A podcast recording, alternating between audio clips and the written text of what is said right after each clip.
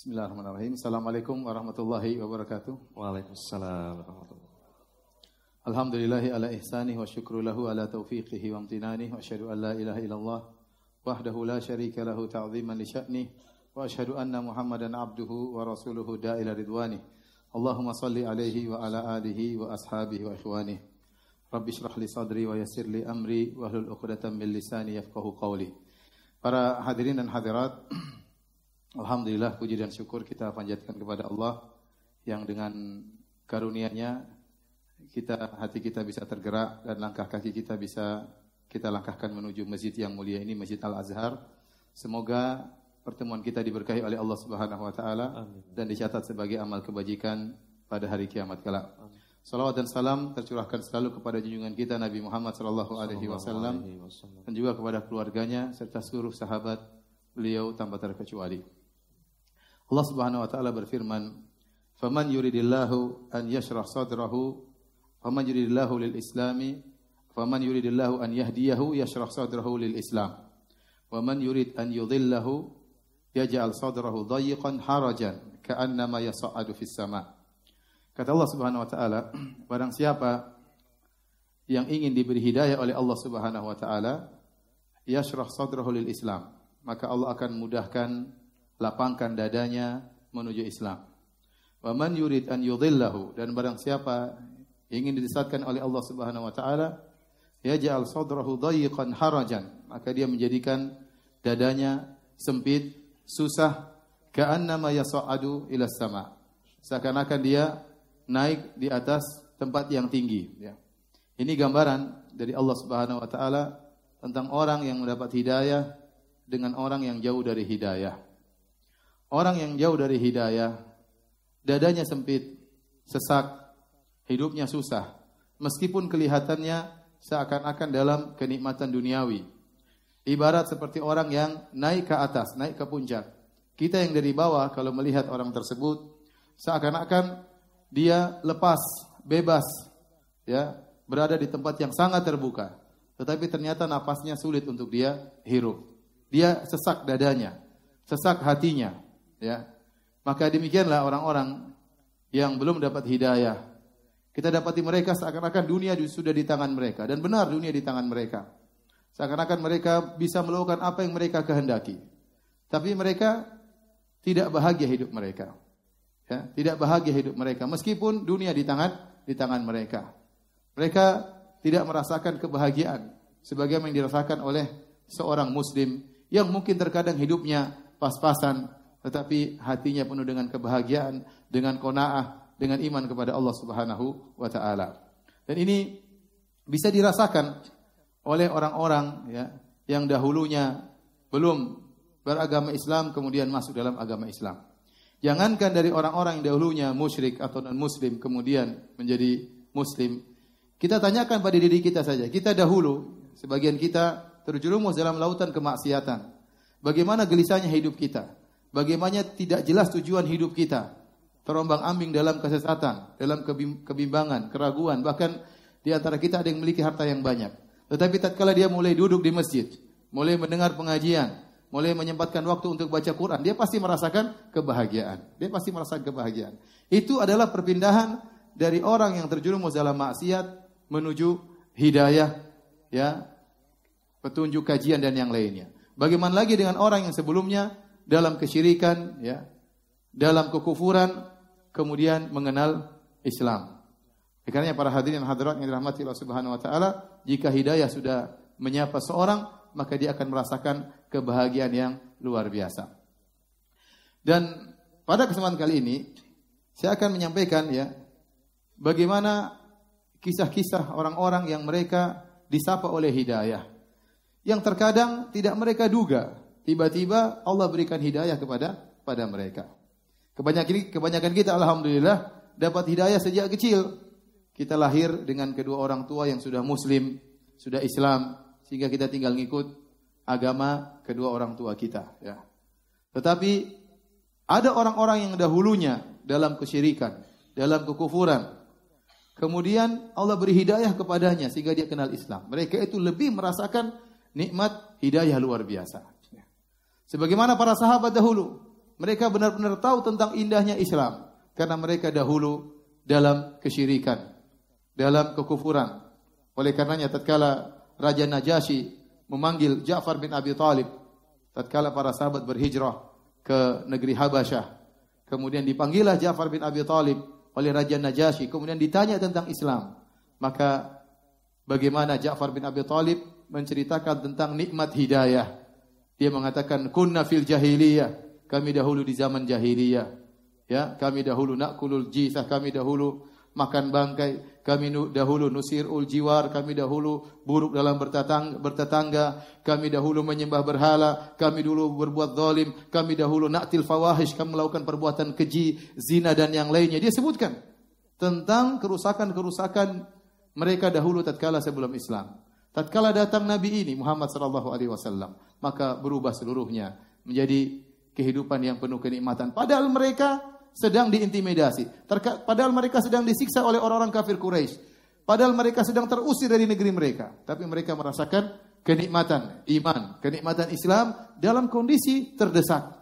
Ya. Apalagi kita alhamdulillah di tanah air kita sudah Islam, hidup nyaman alhamdulillah, mau ke mana-mana tenang, tidak ada keributan, tidak ada kekacauan secara stabilitas keamanan. Alhamdulillah, maka ini nikmat yang harus kita syukuri kepada Allah Subhanahu wa taala. Saya akan sebutkan kisah-kisah menarik tentang bagaimana hidayah menyapa seseorang ya terkadang tanpa diduga ya. Sejak zaman Nabi SAW, ya saya pilihkan beberapa kisah, kemudian zaman-zaman dari sebagian kisah-kisah orang zaman sekarang yang sampai kepada saya kisah mereka. Di antaranya ada kisah menarik ya, seperti yang uh, disebutkan dalam Sahih Al Bukhari tentang kisah Islamnya Sumamah bin Usal. Ya, saya bacakan hadisnya dari Abu Hurairah radhiyallahu taala anhu. Beliau berkata, "Ba'atha Nabi sallallahu alaihi wasallam khairan qibala Najd. Faja'at bi rajulin Bani Hanifah yuqalu lahu Sumamah ibnu Usal." Rasulullah sallallahu alaihi wasallam mengutus pasukan berkuda di sisi Najd, kemudian akhirnya mereka menawan seorang musyrik dari Bani Hanifah yang orang tersebut namanya Sumamah bin Usal. Farabatuhu bisariyatin min sawadil masjid. Kemudian orang musyrik ini Sumamah diikat di salah satu tiang di tiang-tiang Masjid Nabawi. Fakharaja ilaihi Nabi sallallahu alaihi wasallam. Setelah diikat Nabi pun datang menemui Sumamah. Kemudian Nabi bertanya, "Ma indaka ya Sumamah?" Wahai Sumamah, dia ini adalah tokoh dari kabilahnya, kabilah orang musyrik. Nabi bertanya, "Apa yang ingin kau sampaikan wahai Sumamah?" Kata Sumamah, "Indi khairun ya Muhammad." Saya punya kebaikan yang ingin saya sampaikan kepada engkau wahai Muhammad. In taqtuluni taqtul zadamin. Kalau kau bunuh saya wahai Muhammad, ketahuilah bahwasanya anak buah saya banyak, mereka akan menuntut balas dendam kepadamu. Wa in tunim tunim ala syakir. Kalau kau bebaskan saya, kau telah membebaskan orang yang pandai bersyukur. Saya akan ingat kebaikanmu, saya akan balas kebaikanmu. Wa in kunta turidul mal, Fasal minhu masyid. Kalau kau ingin harta, mintalah kepada aku. Saya punya harta banyak, saya akan berikan kepada yang kau kehendaki. Maka fataraka hatta kanal ghad. Nabi mendengar apa yang disampaikan Sumama, kemudian Nabi pergi. Besoknya Nabi balik lagi dan dia masih terikat. Nabi tanya lagi, "Ma indaka ya Sumama?" Apa yang hendak kau sampaikan wahai Sumama? Nabi tahu dia ini orang top di kampungnya atau di kabilahnya, di sukunya. Maka dia berkata, "Makul tulaka Sebagaimana yang saya sampaikan kemarin, intun intun im ala syakir. Kalau kau membebaskan saya, saya ini orang yang pandai bersyukur. Sudah mulai berubah. Dia tidak bilang, kalau kau bunuh saya akan banyak yang balas dendam. Kemarin dia bilang begitu. Sekarang sudah berubah. Mulai dia melembut, dia mengatakan, kalau kau bebaskan saya, saya adalah orang yang pandai bersyukur. Kemudian Nabi tinggalkan dia. Besok lagi, Nabi datang lagi. Kemudian Nabi bertanya, Ma indaka ya Sumama? Apa yang ingin kau sampaikan wahai Sumama? Kata Sumamah, ya. Indi makul tulaka seperti yang saya sudah sampaikan kemarin-kemarin. Kata Nabi SAW, atliku Sumamah, bebaskan Sumamah. Dan dia musyrik. Nabi maafkan, kata Nabi bebaskan dia. Kemudian fantalaka ila najlin qaribun minal masjid, dia pergi suatu tempat, faktasala thumma dakhala masjid. Kemudian dia mandi, kemudian dia masuk ke dalam masjid, kemudian dia berkata asyhadu alla ilaha illallah wa asyhadu anna Muhammadar Rasulullah. Dia nyatakan Islamnya. Rupanya hidayah menyapanya setelah tiga hari dia diikat di tiang di Masjid Nabawi.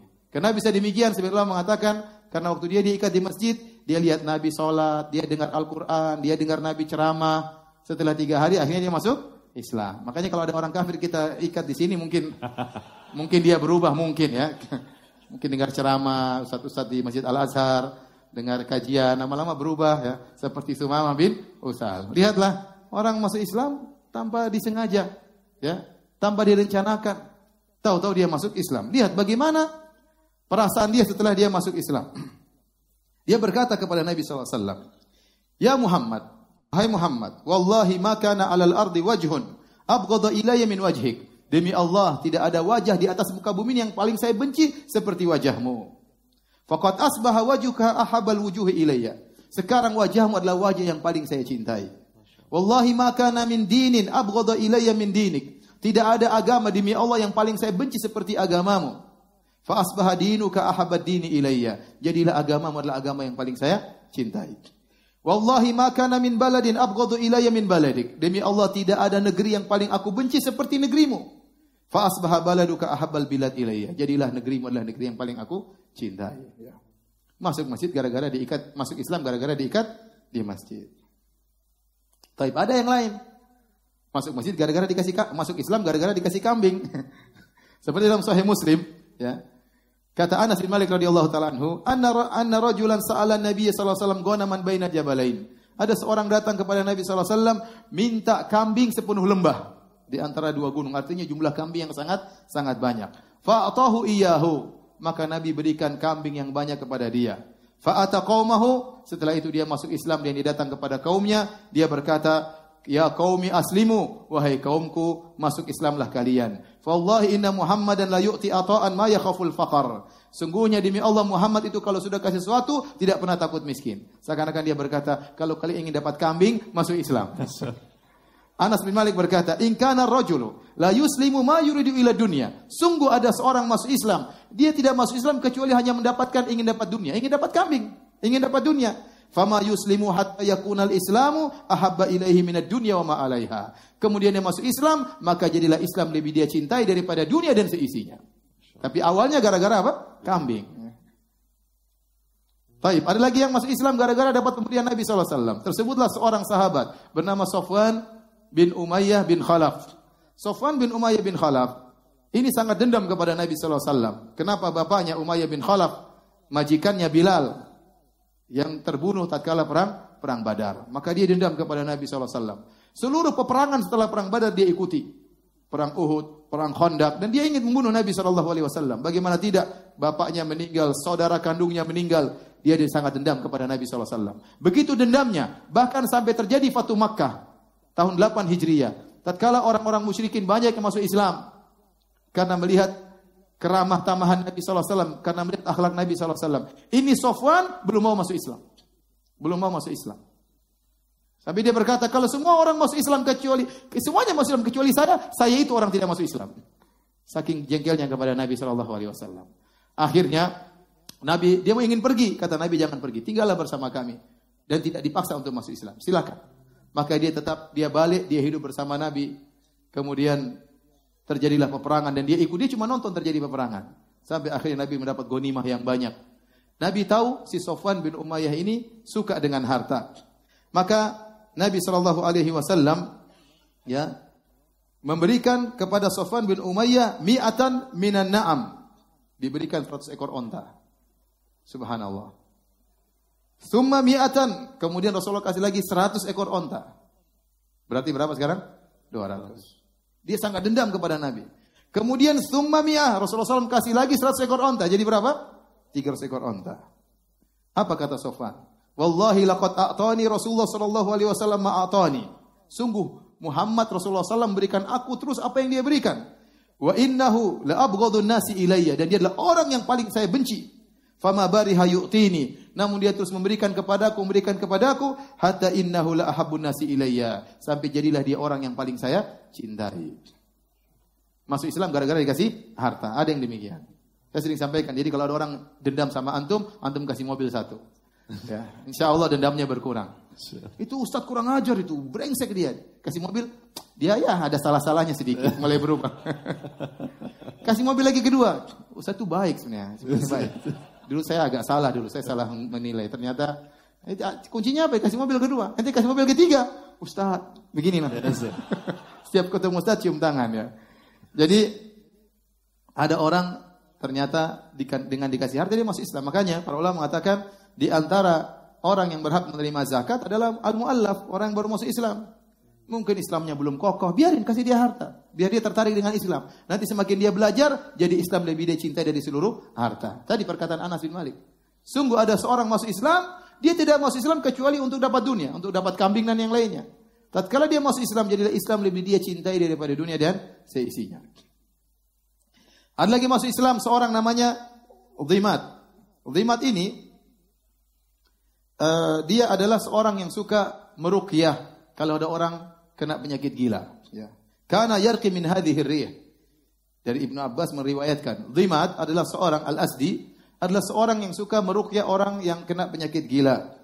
Fasami asufaha min ahli Makkah yaqulun inna Muhammadan majnun. Kemudian dia dengar isu-isu berkembang di kota Mekah. Orang-orang Mekah, orang-orang bahlul di kota Mekah mengatakan Muhammad gila. Subhanallah, dia punya niat baik. Ini ada orang gila terkenal sekali. Saya ingin nyembuhin orang gila ini. Ya. Kemudian dia berkata, "Lau ani raaitu hadzal rajul, la Allah yashfihi ala yadayya." Semoga saya bertemu dengan lelaki ini, Muhammad ini, orang gila terkenal ini. Saya, siapa tahu Allah menyembuhkan dia melalui tanganku. Akhirnya dia mencari Rasulullah SAW. Niatnya baik. Bukan sebagai seorang nabi, tapi sebagai orang orang gila. Niatnya baik. Falakiyahu, akhirnya dia bertemu dengan Nabi SAW. Kemudian dia berkata, Ya Muhammad, ini arki min hadhihi wa inna Allah yashfi ala yadaya man syaa. Fahallak. Dia mengatakan hey Muhammad saya ini tabib suka menyebutkan suka menyembuhkan orang gila. Allah menyembuhkan banyak orang gila lewat saya. Maukah saya obati Anda? Subhanallah. Coba ada orang datang Ustaz Firanda saya dengar Anda gila ya. Uh, saya mau menyembuhkan Anda. Bagaimana? Setuju atau tidak? Subhanallah Nabi tidak marah-marah. Yang gila siapa? Ente yang gila. Kalau kalau saya mungkin begitu. Tapi Nabi subhanallah, Nabi dibilang gitu. Coba, saya ini suka menyembuhkan orang gila, wahai Muhammad. Siapa tahu kau mau saya sembuhkan? Nabi tidak emosi, Nabi tidak marah. Nabi menjawab dengan tutur kata yang, kalau orang ini niatnya baik. Niatnya baik, subhanallah. Dia punya niat baik, gara-gara niat baik tersebut Allah kasih hidayah. Padahal dia tidak sedang mencari Islam. Tidak. Tapi dia ingin mengobati orang yang sakit. Ada orang gila terkenal ingin dia obati. Ya. Gara-gara sebab niat baik tersebut Allah kasih hidayah kepada dia. Maka Nabi menjawab. Waktu dibilang, "Ya Muhammad, saya mau obati kamu." Kata Nabi, "Innal hamdalillah nahmaduhu wa nasta'inuhu. Man yahdihillahu fala mudhillalah wa may yudlil. Wa asyhadu an la ilaha illallah wahdahu la syarikalah wa anna Muhammadan abduhu wa rasuluhu amma ba'du." Ini yang sering disampaikan oleh Ustaz. Ustaz ngomongnya itu lagi. Innal hamdalillah nahmadu. Ternyata kalimat ini pernah bikin orang masuk Islam. Nabi bilang gitu, Innal hamdalillah segala puji bagi Allah kami memujinya dan kami mohon pertolongan kepadanya. Barang siapa diberi petunjuk oleh Allah, maka tidak ada yang bisa menyesatkannya. Dan barang siapa disesatkan oleh Allah, maka tidak ada yang bisa beri petunjuk kepadanya. Dan aku bersaksi bahwasanya tidak ada sembahan yang berhak disembah kecuali Allah semata. Tidak ada sekutu baginya. Dan bahwasanya Muhammad adalah hamba Allah dan Rasulnya. Amma ba'du. Didengar oleh Dimat. Dimat heran. Dia mengatakan, A'id alayya kalimatika ha'ula. Tolong ulang lagi itu innal hamdalillah. Masya Allah. Nabi ulang lagi. Innal hamdalillah nahmaduhu wa nasta'inuhu wa nastaghfiruhu wa natubu ilaih wa na'udzu billahi min syururi anfusina seterusnya. May yahdihillahu fala mudhillalah wa may yudlil fala hadiyalah wa asyhadu an la ilaha illallah wahdahu la syarikalah wa asyhadu anna muhammadan abduhu wa rasuluhu amma ba'du. Kata limat lagi, Ait adaya kalimatika haula. Tolong ulang lagi. Subhanallah. Siapa tahu ente masuk Islam? Siapa tahu ada yang masuk Islam? Subhanallah diulang lagi oleh Nabi sallallahu alaihi wasallam. alaihi Rasulullah sallam salasa marrat. Nabi ulang sampai tiga kali. Maka dia berkata, "Laqad sami'tu qaulal kahana wa qaulas sahara wa qaulas syu'ara fama sami'tu mithla kalimati haula laqad balagna na'usal bahar hati yadak ubayika alal Islam." Kata dia, "Wahai Rasulullah, wahai Muhammad, sungguh aku telah mendengar perkataan para dukun, sungguh aku telah mendengar perkataan para penyihir dan aku juga menguasai perkataan para para penyair." Aku tidak pernah mendengar kalimat seperti kalimat-kalimatmu. Sungguh kalimatmu telah sampai kepada tengah lautan. Berikan tanganmu, aku bayar engkau untuk masuk Islam. Niat baik, ingin mengobati orang sakit, jadi masuk masuk Islam. Yang lebih menakjubkan, saya baca hidayah benar-benar di tangan Allah Subhanahu wa taala ya. Allah terkadang seorang dapat diterpa oleh hidayah, disapa oleh hidayah di kondisi-kondisi yang sangat sulit. Contoh ada seorang bernama Amr bin Thabit Al-Ansari yang dikenal dengan Al-Usairim. Dia ini waktu Nabi datang ke kota Madinah mendakwai Islam, mendakwakan Islam, dia tidak beriman, dia tidak mau beriman. Tiba-tiba dia beriman kapan? Dia beriman tatkala terjadi perang Uhud. Tatkala kaum muslimin terdesak, kaum muslimin berjumlah cuma 700, dikepung oleh 3000 orang, justru tatkala Islam dalam kondisi terdesak, dia malah masuk Islam. Allah kasih hidayah, Allah ingin hidayah bagi dia. Kemudian dia pun menyatakan Islamnya, kemudian dia berperang, kemudian dia mati syahid, dikenal Al-Utsairim, mati syahid, wa ma saj sajada walau sajadah dan dia tidak pernah sujud meskipun hanya sekali. Hidayah menyapa dia di penghujung di penghujung kehidupannya. Kok bisa demikian ya Ustaz? Kata para ulama, orang-orang yang seperti ini yang dapat hidayah di penghujung hayatnya, ya, Kemungkinan besar karena ada kebaikan-kebaikan dalam hatinya. Dan sebaliknya kalau ada orang di awal kehidupannya penuh dengan keimanan, di akhir kehidupannya ternyata terlepas dari hidayah. Dia meninggalkan hidayah atau hidayah meninggalkannya, ini juga berkaitan dengan kebaikan hatinya. Oleh karena dalam satu hadis kata Rasulullah SAW, Inna ahadakum la ya'malu bi amali ahli jannah fima yabdulin nas wa huwa min ahlin nar. Kata Nabi SAW, sungguh salah seorang dari kalian benar-benar melakukan amalan penghuni surga. Mungkin dia haji, mungkin dia umrah, mungkin dia sholat. Tapi amalan tersebut kata Nabi, fima yabdulinas, menurut yang dilihat oleh orang lain. Yang menurut dilihat oleh masyarakat orang ini orang soleh. Tetapi hatinya ada penyakit. Kata Nabi, wa huwa min ahlin nar. Ternyata dia penghuni neraka, jahannam. Subhanallah, ada kisah seorang di Arab Saudi dari Qasim ada dikenal dengan Al Qasimi ya. ya. Konon dia dari Mesir, konon dia dari Saudi tapi terkenal dia punya buku. Bukunya judulnya Al Sira Al Sira Baina At-Tauhid wal Wasaniyah. Seperti judulnya. Pertarungan antara tauhid dengan penyembahan berhala. Dua jilid kalau tidak salah dia tulis. Buku yang sangat indah yang sekarang masih dipakai untuk membantah kekufuran. Tetapi banyak yang menjelaskan orang ini terkena penyakit gurur, sombong, angkuh. Karena tidak ada yang menulis seperti dia di zaman dia. Akhirnya dia angkuh, dia angkuh, dia angkuh, dia angkuh, akhirnya dia murtad. Oleh seorang berhati-hati. Tatkala dia beramal soleh, tatkala dia haji atau umroh, jangan angkuh, jangan sombong. Orang melihat kita, orang melihat dia seakan-akan dia orang yang soleh, tapi ternyata ada penyakit dalam hatinya. Sehingga bisa jadi orang tersebut akhirnya ditutup dengan su'ul khatimah. Dan sebaliknya ada orang mungkin di atas kesesatan atau non muslim tapi dia memiliki hati yang baik. Gara-gara hati yang baik ini di akhir hayatnya Allah beri hidayah kepada dia sehingga akhirnya dia masuk masuk Islam. Contoh tadi ya Amr bin Thabit Al-Ansari atau dikenal dengan Al-Usairim tadinya menolak dakwah Nabi wasallam. Menolak terus. Sampai dua tahun dia menolak dakwah Nabi wasallam. Tahun 3 Hijriah terjadi perang Uhud tatkala kondisi kaum muslimin terdesak, 700 orang, musuh 3000 orang, justru dia masuk Islam dalam kondisi demikian. Hidayah datang terkadang tidak diduga. Contoh lagi sahabat yang lain namanya Nuaim bin Mas'ud Al-Ghotofani. Nuaim bin Mas'ud Al-Ghotofani, kapan dia masuk Islam? Dia masuk Islam tatkala terjadi perang Khandaq. Dan ini lebih kondisi lebih dahsyat lagi bagi kaum muslimin. Kata Allah Subhanahu wa taala, "Ya ayyuhalladzina amanu dzkuru nikmatallahi 'alaikum."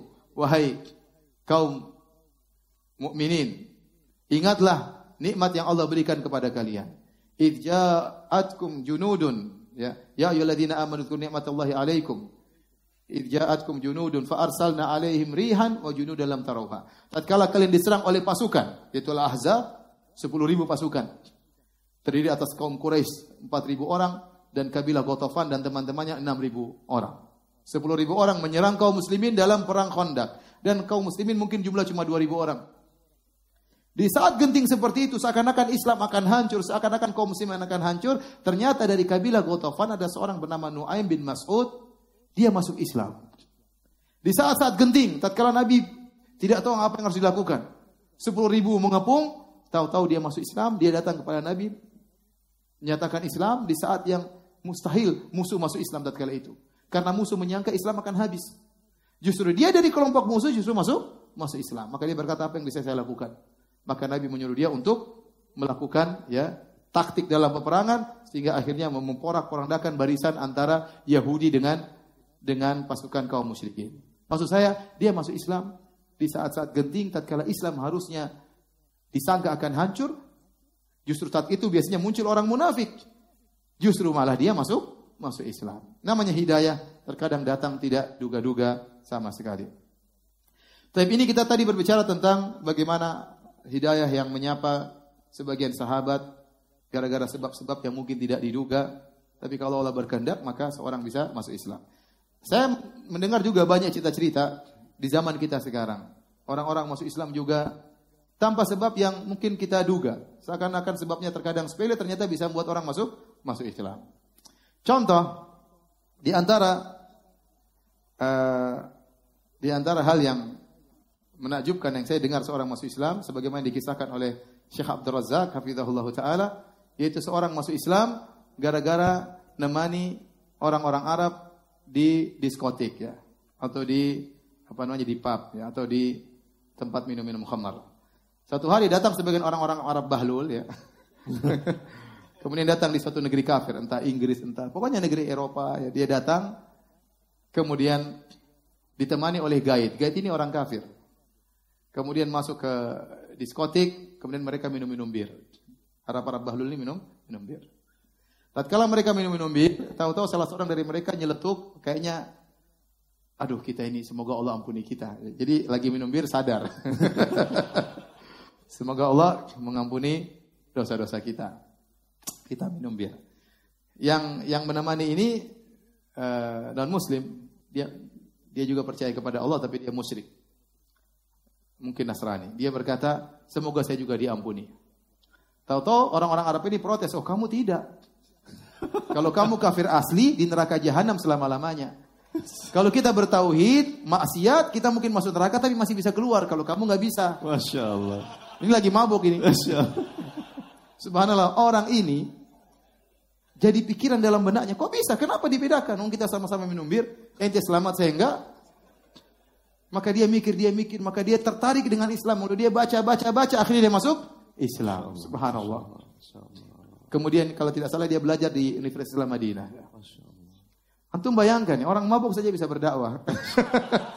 Apalagi antum. Jadi maksud saya, seorang masuk Islam tanpa hal yang diduga. Dalam kondisi seperti itu, dia bisa masuk Islam. Gara-gara nemani orang mabuk. Terjadi dialog sedikit, satu satu hal mengetuk pintu hatinya, kemudian dia masuk masuk Islam. Ya. Ini contoh di antara yang saya dengar bagaimana hidayah menyapa seorang tanpa diduga sama sekali. Saya pernah berhaji juga sama seorang dosen, doktor, uh, guru di Universitas Islam, uh, Universitas apa Muhammad bin Imam, uh, Imam Muhammad bin Saud di Riyadh.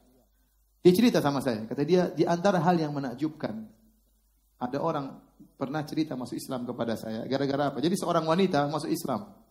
Gimana dia masuk Islam? Dia ini punya pacar orang Muslim.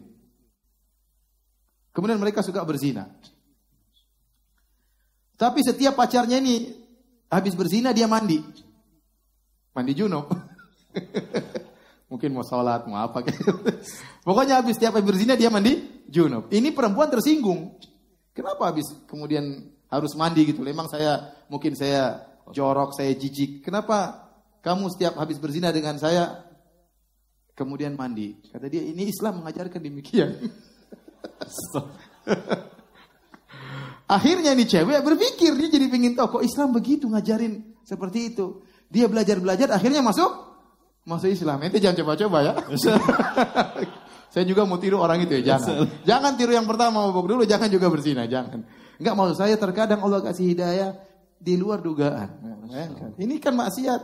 Tapi orang ini melakukan satu yang baik. Setelah berzina dia mandi Mandi junub. Ini menjadi timbul pertanyaan bagi sang wanita. Akhirnya dia pun masuk Islam gara-gara hal tersebut. Di luar dugaan sama sekali. Contoh lagi, cerita yang ma'ruf ada seorang wanita masuk Islam gara-gara dia mencuci pakaian. Dia mencuci pakaian dia dapati pakaian mahasiswa yang kafir dengan mahasiswa yang muslim. Dapati mahasiswa muslim kolornya tidak begitu bau, pakaian tidak begitu bau, sementara yang mahasiswa kafir pesing luar biasa. Ya, kan kalau orang kafir kadang kalau kencing seperti itu cuma uh, terus selesai. tidak tidak dicuci tidak diapa. Ya pasti bau. Bau atau tidak? Pasti bau ya. Nah dia waktu cuci ibu ini dia bingung ini kok nggak bau ya. Oh ternyata ada agama yang benar memperhatikan apa? Kebersihan. Akhirnya dia masuk masuk Islam sepele. Tapi Allah kasih hidayah dari gara-gara itu. Sederhana. Tapi kalau Allah ingin kasih hidayah, faman yuridillahu an yahdiyahu yashrah sadral Islam. Barang siapa yang ingin Allah kasih hidayah, Allah lapangkan dadanya untuk untuk Islam. Contoh lagi yang saya dapat cerita dari Syekh Saleh Asindi yang kemarin datang di sini, dosen Universitas Madinah. Bagaimana seorang rapper wanita dari Perancis masuk Islam. Dan rapper tersebut akhirnya datang dengan suaminya ke Madinah bertamu di rumahnya Syekh ini, Syekh Saleh Sindi. Ceritanya rapper ini kata Syekh terkenal, terkenal ya, pengikutnya banyak. Suatu dia frustasi, dia frustasi akhirnya dia bunuh diri. Dia bunuh diri tapi selamat. Ternyata tidak sampai meninggal dunia. Dimasukkan di rumah sakit. Ternyata perawatnya seorang muslim, muslimah. Ada seorang perawat muslimah, dia tidak dakwahi wanita ini. Cuma dia letakkan Quran terjemahan di meja tersebut, meja rapper ini. Quran, ter, Quran terjemahan bahasa Perancis.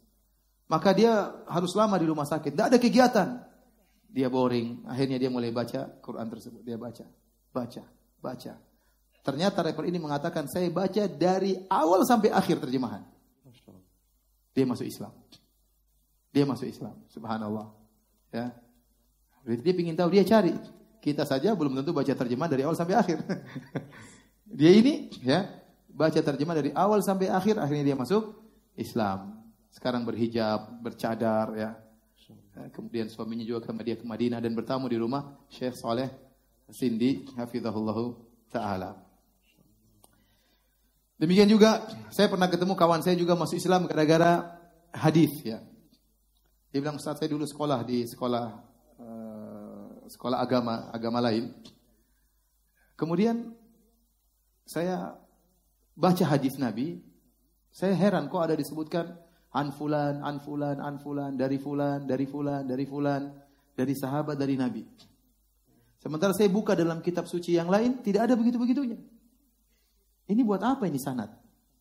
Ternyata dia tahu sanat ini untuk membuktikan keotentikan suatu hadis.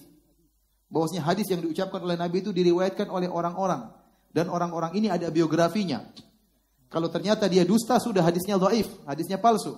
Kalau dia tidak dusta, dia rajin sholat tapi hafalannya nggak beres, tetap dhaif. Jadi tidak semua orang rajin sholat kemudian sikoh ya. Terkadang rajin sholat, rajin baca Quran, tapi kalau cerita nambah-nambahin ya. Dalam dalam hadis tidak dipakai orang seperti ini. Harus benar-benar dia soleh dan hafalannya kuat, tidak ditambah-tambah, tidak dikurang-kurangi. Ternyata dalam Islam ada seperti ini. Muhammad SAW bersabda, ada sanatnya. Sehingga dengan demikian seorang bisa menilai hadis ini sahih atau daif atau palsu dan diketahui derajat hadis ini untuk diterima, diamalkan atau tidak. Dia buka kitab sucinya tidak ada seperti itu. Berkata si fulan tidak tahu Mana sanatnya, mana jundrungnya, tahu-tahu muncul aja berkata fulan, berkata-berkata tanpa ada sanatnya. Gara-gara hal itu akhirnya dia pun masuk masuk Islam. Ada seorang juga dari agama lain. Masuk Islam juga? Gara-gara dia baca ya salah tamiati sininan wasdadu tis'a. Ya, salah tamiati ya, 309 tahun tentang kisah Ashabul Kahfi. Ya. Ya, dia baca Al-Quran bahwasanya Ashabul Kahfi tidur dalam goa 309 tahun. Kenapa dia masuk Islam? Dia baca dalam berbagai terjemahan Al-Quran, bahasa Inggris, bahasa Indonesia, bahasa yang lainnya, dengan terbitan tahun sekian, tahun sekian, tahun sekian, tidak berubah, semuanya 309. Dia bandingkan dengan kitab suci yang dia miliki ternyata setiap dekade ada perubahan. Ada perubahan lafal, ada perubahan terjemah, akhirnya membuat dia masuk masuk Islam. Waktu ditanya, "Kenapa Anda masuk Islam?" Kata dia, "Saya tidak masuk Islam. Islam yang masuk ke dalam diri saya." Inilah contoh-contoh ya, para hadirin hadirat yang dirahmati Allah Subhanahu wa taala. Betapa kalau Allah menghendaki hidayah pada seorang, maka ya dia tidak akan bisa lari dari hidayah tersebut, ya. Meskipun semua orang ingin menyesatkan dia, kalau Allah ingin memberikan dia hidayah, maka dia dapat hidayah. Mayyahdihillahu fala mudhillalah. Barang siapa yang Allah ingin kasih hidayah, maka tidak ada yang bisa menahannya. Tapi barang siapa yang disesatkan, tidak ada yang bisa kasih hidayah kepada dia. Meskipun dia tahu tentang indahnya Islam, meskipun dia tahu tentang benarnya agama Islam, kalau hatinya tidak digerakkan untuk masuk Islam, tidak akan masuk Islam. Karena ada tendensi-tendensi duniawi yang dia pertimbangkan. Contoh nyata Abu Talib, pamannya Nabi SAW. Dia tahu bahwasanya Islam adalah agama yang benar. Bahkan dia rela membela ponakannya Muhammad sallallahu alaihi wasallam. Bahkan dia berkata, "Walaqad alimtu bi anna dina Muhammadin min khairi adyanil bariyati dina." Walaula al-malamatu wa hidharu masabbatin lawajadtani samhan bidzaka mubina. Sungguh aku tahu bahwasanya agama Muhammad adalah agama manusia yang terbaik. Ya. Kalau bukan saya takut cercaan dan saya takut celaan, kau akan dapati aku memeluk agama tersebut. Tetapi Abu Talib tidak masuk Islam. Kenapa? Ada pertimbangan duniawi. Dia takut kedudukannya jatuh. Dia takut dicerca oleh orang-orang Quraisy. Sampai waktu mau akhir hayat, mau meninggal dunia. Nabi datang. Nabi katakan, Ya ammi kulla ilaha illallah. Wahai pamanku, ucapkan la ilaha illallah. Kalimatan uhajulaka biha indallah. Suatu kalimat yang aku akan bela engkau tatkala di sisi Allah Subhanahu wa taala. Ternyata situ ada Abu Jahal. Nabi ceramah, Abu Jahal juga ceramah. Kata Abu Jahal, "Atar an millati Abdul Muttalib wa Abu Talib, apakah kau benci dengan agama bapakmu?" Abu Talib bimbang. Nabi ulangi lagi, "Ya ammi, qul la ilaha illallah, kalimatan uhajulaka bi indallah." Nabi ceramahnya panjang. Wahai pamanku, ucapkan la ilaha illallah, suatu kalimat yang aku akan bela engkau di sisi Allah pada hari kiamat. Panjang. Ceramah Abu Jahal cuma sedikit. Atar gobu an millati Abdul Muttalib, kau benci agama bapakmu? Ternyata dia tidak mau mengucapkan la ilaha illallah.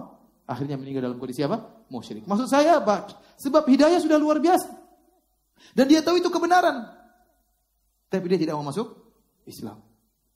Kenapa? Ada tendensi dunia yang dia pikirkan. Entah dia pikir sukunya, entah dia pikir harga dirinya, entah dia pikir martabatnya, entah dia pikir uh, tentang kesenangan duniawinya. Kalau saya masuk Islam nanti nggak bisa minum khamar.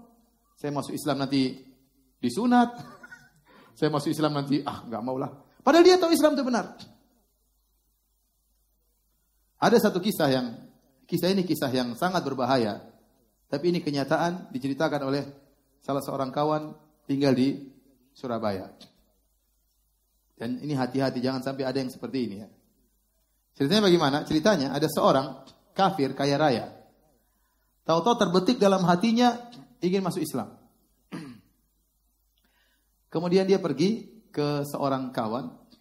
Kata dia, wahai kawan saya ingin kenal Islam tertarik dengan Islam. Kata kawan ini, eh ada orang lebih alim, kau ke sana. Coba tanyakan Islam kepada dia. Datanglah orang kaya ini ke orang yang pedagang juga, tapi dia agak lebih ngerti tentang Islam. Kemudian dia tanya, eh tolong jelaskan kepada tentang Islam. Eh, antum tahu kalau masuk Islam, ente disunat, tahu nggak? Ente puasa nggak boleh makan sebulan. Ente kalau masuk Islam nanti ada zakat 25 persen harta ente diambil. Ente harus sholat. Ditakut-takuti. Akhirnya kata dia, ya sudah saya nggak jadi masuk Islam. Akhirnya kawan tadi tanya, eh gimana sih Fulan? Jadi masuk Islam nggak? Ngapain dia masuk Islam? Di dunia sudah kaya, nanti di sana masuk surga. Enak aja. Biar aja di sana dia masuk neraka. ini kenyataan. Akhirnya ya ini tidak boleh dan ini berbahaya seperti ini. Sampai para ulama menjelaskan dalam buku-buku fikih tidak boleh seperti ini. Kalau ada orang yang menyatakan Islam jangan ditunda, harus diterima, tidak boleh ditunda. Sampai kalau Anda menunda satu menit, kemudian timbul keraguan dalam dirinya, Anda dosa besar. Dia sudah mau masuk Islam, dia bilang nanti lima menit lagi. Tahu-tahu, ah, gak jadilah. Wah, Anda yang berdosa. Sampai guru saya pernah cerita di kelas, kejadian di Afrika. Jadi ada orang datang ke imam, ingin menyatakan Islam. Akhirnya imam ini mengatakan nanti habis sholat. Dan di sana ada peperangan. Begitu habis sholat, orang ini keluar ketembak, meninggal. Belum sempat menyatakan apa? Ya Islam. Yang salah siapa? Ya Imamnya nggak boleh. Jadi kalau ada orang datang minta masuk sama antum jangan bilang tunggu kita ke ustaz. Sudah ente langsung masukkan Islam. Nanti ke ustaz mungkin untuk mengkokohkan tapi langsung masuk Islam. Jelaskan tentang Islam jangan ditunda-tunda. Karena kita khawatir bisa jadi apa? Berubah. Iman sedang hidayah sedang menyapa dia kemudian tiba-tiba hilang bahaya. Maka segera kita masuk dalam Islam, jelaskan semampunya, kemudian kita ajak ke pengajian, kita hadapkan ke ustadz supaya dia lebih kokoh dalam Islamnya. Ya. Jadi hidayah kalau Allah tidak berkehendak, seorang tidak akan dapat hidayah. Contohnya Abu Talib. Contohnya orang-orang munafik. Lihat orang-orang munafik. Apa sebab hidayah yang kurang bagi mereka? Mereka sholat di belakang Nabi. Mereka orang Arab. Mereka ngerti bahasa Arab. Mereka ngerti indahnya Al-Quran. Mereka lihat mukjizat yang turun kepada Nabi Shallallahu Alaihi Wasallam. Bahkan mereka sholat berjamaah bersama Nabi. Mereka dengar ceramah kepada dari Nabi Shallallahu Alaihi Wasallam tiap hari. Tapi ternyata mereka ya tidak dapat hidayah. Ya. Maka seorang benar-benar harus bersyukur kepada Allah tatkala dapat hidayah dari Allah Subhanahu wa taala berarti Anda adalah manusia pilihan. Maka Nabi wasallam tatkala perang Khandaq dan Nabi sedang menggali Khandaq menggali parit, Nabi berkata, laulau laulallah mahtadaina wa ma sallaina wa ma tasaddaqna.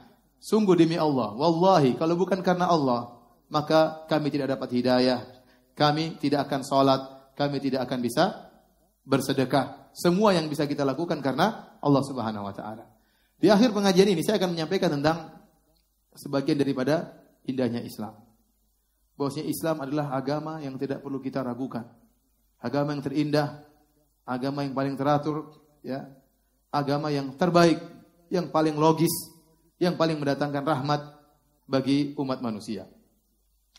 Dan keistimewaan Islam sangat banyak, ya. Keistimewaan Islam sangat banyak. Kalau kita mau jelaskan tentu terlalu panjang lebar. Tapi saya akan sebutkan beberapa keistimewaan Islam, ya, yang menjadi renungan bagi kita uh, seluruhnya. Di antara keistimewaan Islam, ya. Islam adalah agama yang paling mengkaitkan hambanya kepada Tuhannya. Seorang sholat lima waktu sehari semalam. Sementara sebagian agama, dia hanya bisa kontak dengan Tuhannya terkadang seminggu sekali. Ya. Terkadang lebih daripada itu. Islam yang wajib lima kali sehari harus kontak dengan Tuhannya. Dan kita tahu bahwasanya kebahagiaan dari Allah, dari pencipta alam semesta ini. Semua orang sepakat. Orang bahagia, orang beragama. Mau agama pun, tapi semua sepakat. Orang beragama mana pun sepakat kalau bahagia harus ber, beragama. Nah kalau kebahagiaan itu berkaitan dengan keterkaitan seorang hamba dengan Tuhannya, maka Islam adalah agama yang paling mengkaitkan seorang dengan Tuhannya. Lima waktu wajib. Dia pada subuh bangun tidur langsung kontak dengan Tuhannya. Kemudian dipagari kegiatan-kegiatan sibuk dengan dunia, duhur diingatkan lagi harus kontak lagi dengan Tuhannya. Allah pilih waktu yang tepat. Kemudian mungkin siang kerja atau tidur, bangun, suruh kontak lagi dengan Tuhannya. Tatkala apa? Asar. Kemudian sibuk lagi dengan kegiatan, lalai mungkin bicara sana sini. Maghrib kontak lagi dengan Tuhannya. Isya kontak lagi dengan Tuhannya. Tapi ada seorang kafir mengatakan, saya cemburu lihat orang Islam. Mau kontak dengan Tuhannya sangat sangat mudah. Ya. Oleh karenanya, Islam adalah agama yang paling menawarkan kebahagiaan karena penganutnya kalau ingin kontak dengan Tuhannya sangat sangat mudah. Tinggal wudhu kemudian sholat di mana pun dia kehendaki. Langsung kontak dengan Allah subhanahu wa ta'ala. Kemudian di antara keistimewaan Islam. Islam adalah agama yang paling logis. Terutama dalam masalah akidah. Dalam masalah keyakinan terhadap Tuhan. Makanya Allah subhanahu wa ta'ala menyebutkan cara Tuhan atau sifat-sifat utama Tuhan, kriteria Tuhan dalam surat Al-Ikhlas. Qul huwallahu ahad, Allahu samad, lam yalid wa lam yulad wa lam yakul lahu kufuwan ahad. Katakanlah Allah Maha Esa. Tuhan tidak boleh berbilang. Kalau Tuhan berbilang saling saingan. Maka dia bukan Tuhan, bukan, bukan dia yang paling jago. Ternyata ada yang sama dengan Tuhan. Allah kul huwallahu ahad. Allah Maha Esa. Dialah yang menciptakan alam semesta sendiri. Dialah yang berhak sendiri. Dia yang berhak untuk disembah sendirian. Dia yang mengatur alam semesta sendirian. Tidak ada yang bersama Allah Subhanahu wa taala. Kul huwallahu ahad. Allahus Samad, yang semuanya bergantung kepada Allah dan dia tidak bergantung kepada siapa pun. Ini ciri Tuhan. Kalau ada Tuhan ternyata butuh kepada yang lain itu bukan bukan Tuhan. Ya. Ciri syarat Tuhan, kriteria Tuhan. Bahwasanya Tuhan tersebut semuanya bergantung kepada dia dan dia tidak bergantung kepada siapa pun. Lam yalid wa lam yulad. Dia tidak melahirkan dan juga tidak dilahirkan. Kalau Tuhan punya anak, maka anak tersebut mirip Tuhan dan dia juga berhak disembah. In kana lirrahmani waladun fa ana awwalul abidin. Kalau seandainya Allah punya anak, aku akan sembah anak tersebut kata Nabi Shallallahu alaihi wasallam. Karena konsekuensi dari anak Tuhan pasti anaknya mirip dengan bapaknya, ya tidak? Maka Tuhan tidak punya anak dan Tuhan tidak punya bapak, tidak melahirkan dan tidak dilahirkan. Kemudian yang syarat terakhir, walam yakullahu kufuwan ahad. Tidak ada yang serupa dengan Tuhan. Ini kriteria Tuhan. Surat yang sering kita baca, hampir kita baca paling banyak dalam keseharian kita surat Qul Huwallahu Ahad. Dua rakaat sebelum subuh baca Qul Huwallahu Ahad. Witir sebelum tidur baca Qul Huwallahu Ahad. Zikir pagi petang baca Qul Huwallahu Ahad. Setelah sholat Ahad. Sebelum tidur baca Qul Huwallahu Ahad agar terpatri dalam benak kita syarat Tuhan. Coba Anda bandingkan dengan agama-agama lain. Tuhan mereka tidak memenuhi kriteria ini, tidak logis. Ada Tuhan tiga. Ya. Bingung tiga itu bagaimana? Ya. Bagaimana keterkait, keterkaitannya? Ya. Ada Tuhan ternyata makan, ada Tuhan ternyata minum, ada Tuhan ternyata dilahirkan, ada Tuhan ternyata ketakutan, ya. ada Tuhan ternyata tidak tahu apa yang terjadi di depannya, ya. ada Tuhan dikejar-kejar akhirnya kabur, ya. macam-macam ya. Tidak tidak tidak tidak memenuhi persyaratan sebagai sebagai Tuhan. Bahkan ada yang menjadikan hewan sebagai Tuhan. Ada hewan jadi Tuhan. Tuhannya beol, Tuhannya ngompol. Apa pantas jadi Tuhan? Ya. Maka agama yang tidak logis. Ada manusia dijadikan Tuhan. Manusia ini bijak, mengucapkan kata-kata indah, kemudian dijadikan Tuhan. Dulunya tidak ada, dilahirkan, kemudian akhirnya mati. Apakah suatu yang dilahirkan dan akhirnya mati pantas dijadikan Tuhan? Apalagi tidak pernah menciptakan apa-apa. Ya. Ada Tuhan tiga, tidak memenuhi dia butuhkan yang lain. Satu Tuhan hanya bisa menciptakan. Satu Tuhan hanya bisa merawat. Satu Tuhan hanya bisa menghancurkan. Subhanallah. Ada Tuhan fungsinya cuma ngancur-ngancurin, ngerusak-ngerusakin. Ini Tuhan gak beres seperti ini. Ada Tuhan hanya bisa menciptakan, tidak bisa mengatur, tidak bisa menjaga. Ada Tuhan tugasnya hanya juga menjaga. Ini Tuhan tidak memenuhi kriteria. Maka kalau kita berbicara tentang dengan non muslim, kita berbicara tentang konsep ketuhanan. Kita harus mahir tentang masalah ini. Jangan dulu berdiskusi dengan masalah lain. Ini disampaikan oleh para ulama. Kalau berdiskusi sama orang pengadut agama lain tentang agama, maka langsung berbicara tentang konsep ketuhanan. Jangan bicara tentang yang lain. Ya. Karena kalau yang lain Anda bisa dikalahkan mungkin dalam perdebatan. Ya. Dan sambil berdoa kepada Allah. Ya, saya ketemu seorang orang India, subhanallah, bukan Zakir Naik, bukan anak orang tidak terkenal ya. ya. Orang ini mungkin seribu orang lebih masuk Islam di tangan dia. Apa rahasianya? Dia bilang, dia cerita, dia setiap malam sholat, beribadah kepada Allah agar orang yang dia dakwai dapat hidayah. Dia berdoa, ya Allah ini saya sedang dakwai si fulan, buka pintu hatinya, buka pintu hatinya. Kemudian dia berdakwah masuk Islam. Demikian demikian dia lakukan.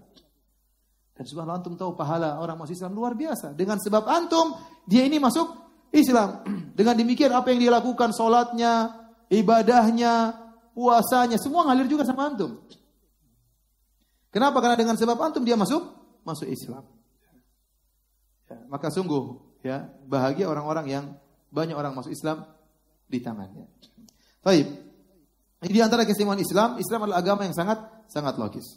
Kemudian Islam adalah agama yang menggabungkan antara dunia dengan akhirat. Bukan agama yang cuma bicara akhirat saja. Tetapi tatanan Islam juga mengatur tentang tatanan akhirat dan dunia. Maka seorang bisa jadi kaya raya dan dia seorang yang taat beragama. Seorang bisa jadi presiden dan dia taat beragama, tidak ada pertentangan. Bukan berarti kalau orang mau jadi ahli agama berarti tidak bisa memiliki dunia. Tidak harus demikian. Ada seorang kaya raya dan dia Islam tidak melarang untuk kaya. Islam tidak melarang dia untuk bekerja. Islam tidak melarang dia untuk menikmati dunia. Bahkan tatkala ada seorang berlebih-lebihan dalam porsi agama melupakan hak-hak duniawinya maka ditegur. Contohnya yang pernah terjadi pada Abu Darda radhiyallahu taala anhu. Waktu Salman Al-Farisi datang menemui istri Abu Darda, ternyata Abu Darda istrinya mutabadzilah dalam kondisi bajunya semerawut, kurang siap menyambut kalau suaminya datang. Maka dia bertanya, "Ada masya nuki, ada apa?" Maka kemudian kata Ummu Darda, "Aku ke Abu Darda, laisa lahu hajatun ila dunia." Saudaramu Abu Darda tidak punya interest, tidak punya perhatian terhadap dunia. Isyarat bahwasanya suaminya kurang perhatian sama dia. Akhirnya waktu Abu Darda datang, dia lagi puasa. Salman suruh buka puasa, buka puasamu, baru kita makan bareng. Akhirnya Abu Darda buka puasa. Di malam hari baru sepertiga malam pertama mau sholat malam, kata Salman belum, tidur dulu, waktunya tidur. Kemudian sepertiga malam yang kedua mau bangun sholat malam, kata Salman belum, waktunya tidur dulu. Tatkala sepertiga malam yang terakhir baru kemudian mereka sholat malam.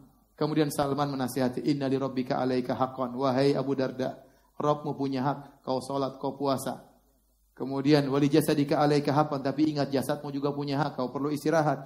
Wali ahlika alaika haqqan, istrimu juga punya hak untuk kau gauli, untuk kau mesrai. Ini semua dicontohkan oleh Nabi Shallallahu Alaihi Wasallam. Nabi Wasallam seorang yang sangat alim, sangat bertakwa, tapi hak istri-istrinya tidak ditinggalkan sama sama sekali. Jadi saya pernah ketemu dengan seorang, saya diundang makan orang non Muslim. Eh, kebetulan dia undang berbagai macam orang. Kemudian dia bilang ini bagian halal, Ustadz sebelah sini saja. yang ini ada apa namanya yang tidak halal. Mau bilang haram gak enak kan? yang bagian halal sini ada. Jadi saya makan di bagian yang yang halal. Saya ambil kesempatan. Sebenarnya bukan kawan saya yang langsung, kawan-kawan saya. Maka saya ngobrol. Gimana eh, agamamu? Ya, itu ah kalau kita mau jalan agama ya kita nggak bisa. Menurut dia agama dia tidak bisa dijalankan kecuali harus meninggalkan apa? Dunia. Baru dia bisa jalankan agamanya dengan benar. Adapun Islam tidak demikian. Islam agama yang mempersilahkan Anda menikmati dunia, ya. Kul man harama zinatallahi lati akhraja ibadi. Siapakah yang berani mengharamkan kenikmatan, keindahan dunia yang Allah keluarkan bagi hamba-hambanya? Tetapi Islam mengatur. Tidak boleh ber berlebih-lebihan. Kulu washrabu wala tusrifu. Makan dan minum namun tidak boleh ber berlebih-lebihan. Jadi Islam adalah agama yang logis dan agama yang mencampurkan antara dunia dengan akhirat. Kemudian di antara keistimewaan Islam, Islam adalah agama yang komprehensif, meliputi segala sesuatu. Semuanya ada aturannya. Jangankan masalah kenegaraan, masalah besar, bahkan adab makan, adab minum diajarkan. Adab buang air, buang hajat diajarkan. Adab berhubungan dengan istri diajarkan. Antum mendapati dalam agama mana seperti ini? Coba saking ada bergaul. Saya selalu tatkala saya menyampaikan hadis ini kata Nabi sallallahu alaihi wasallam, "Idza apa la yatanaja ithnan duna thalith." Hatta yakhtalitu bin nas, lianna dzalika yuhzinu. Kata Nabi wasallam, tidak boleh kalau ada dua orang, ada tiga orang yang dua-duanya berbisik-bisik, yang tiga tidak diajak. Kenapa kalau duanya ini ngomong berbisik-bisik, yang tiga dia tidak diajak, yang ini akan sedih kata Nabi SAW. Maka kalau dua lagi tiga orang, dua orang ngobrol, jangan bisik-bisik dengan suara yang keras supaya didengar yang ketiga. Karena kalau mereka bisik-bisik, yang satu tidak paham, dia akan tersinggung, akan datang syaitan, kemudian mendiktekan kepada dia, itu dua orang sedang gibahin kamu, makanya mereka ngomong bisik-bisik. Atau syaitan berkata itu dua orang tidak menganggap kamu, makanya kau tidak diajak ngomong.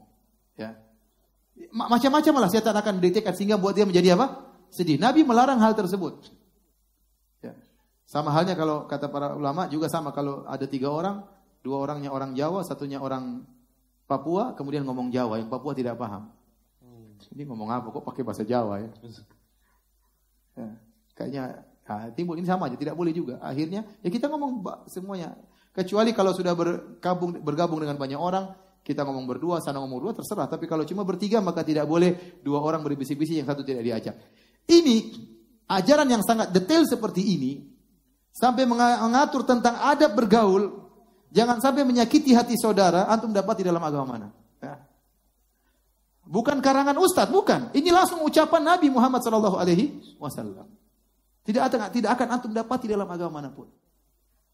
Ini dari bosnya agama Islam komprehensif. Adab makan luar biasa. Ya. Kul biyaminik, kul fima yalik. Makanlah dengan tangan kananmu, makanlah yang di depanmu dulu. Diajar adab, jangan rakus lagi makan, loncat ke sana, loncat ke sini. Makan di depanmu dulu. Ada saatnya meloncat. Kalau di sudah habis, bolehlah mungkin kita. Tapi ini sejak awal sudah loncat sana, loncat sini. Bayangkan dalam agama apa diajarkan seperti itu.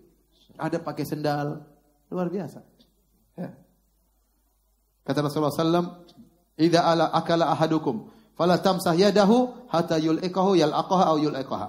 Kata Nabi alaihi jika salah seorang sudah makan, jangan dia lap tangannya sampai dia jilat atau dia menjelaskan kepada orang lain. Sebenarnya orang Ustaz, mana itu? Jangan menjilat sampai dia jilat terjadi pada orang lain. Lihat ternyata itu adab yang sangat indah. Islam mengajarkan bagaimana kita menghargai pemberian Allah, karunia Allah. Anda kalau makan harus yakin bersih. Sampai ada sisa makanan jangan dibuang, jangan langsung dicuci. Mungkin ada beras, ada makanan, itu nikmat, habisi, habiskan. Anda jilat, kalau enggak Anda jilatkan kepada orang lain. Maksudnya kepada istri, kepada anak, bukan kepada kawan-kawan. Eh, ngantri ya. enggak, enggak, enggak. Enggak. Eh, satu lagi. Enggak. Maksudnya pada orang terdekat. Ya kalau sahabat dekat juga ada masalah, tapi enggak lah ya. sama istri, sama anak-anak, enggak apa. Ya. Tapi subhanallah, di antara hikmahnya, apa namanya, menghargai nikmat dari Allah subhanahu wa ta'ala. Antum dapati dalam agama mana mengajarkan demikian.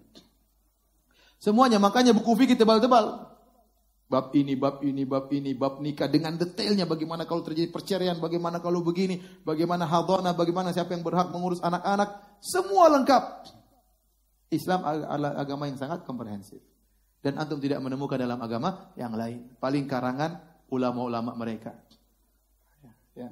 Tidak detail seperti Islam. Apalagi kalau sudah terjadi penyimpangan-penyimpangan dalam agama mereka. Kemudian di antara keistimewaan Islam, Islam tidaklah melarang sesuatu kecuali untuk menghalangi kemudaratan menimpa manusia. Contoh Islam mengharamkan khamar. Saya nggak tahu agama yang jelas-jelas mengharamkan khamar kecuali Islam. Ya, kecuali Islam. Ya. Dan kita tahu khamar itu umul khaba'ith, induk dari segala perbuatan keji. Betapa banyak terjadi bunuh-bunuhan karena khamar, kecelakaan karena khamar, ya.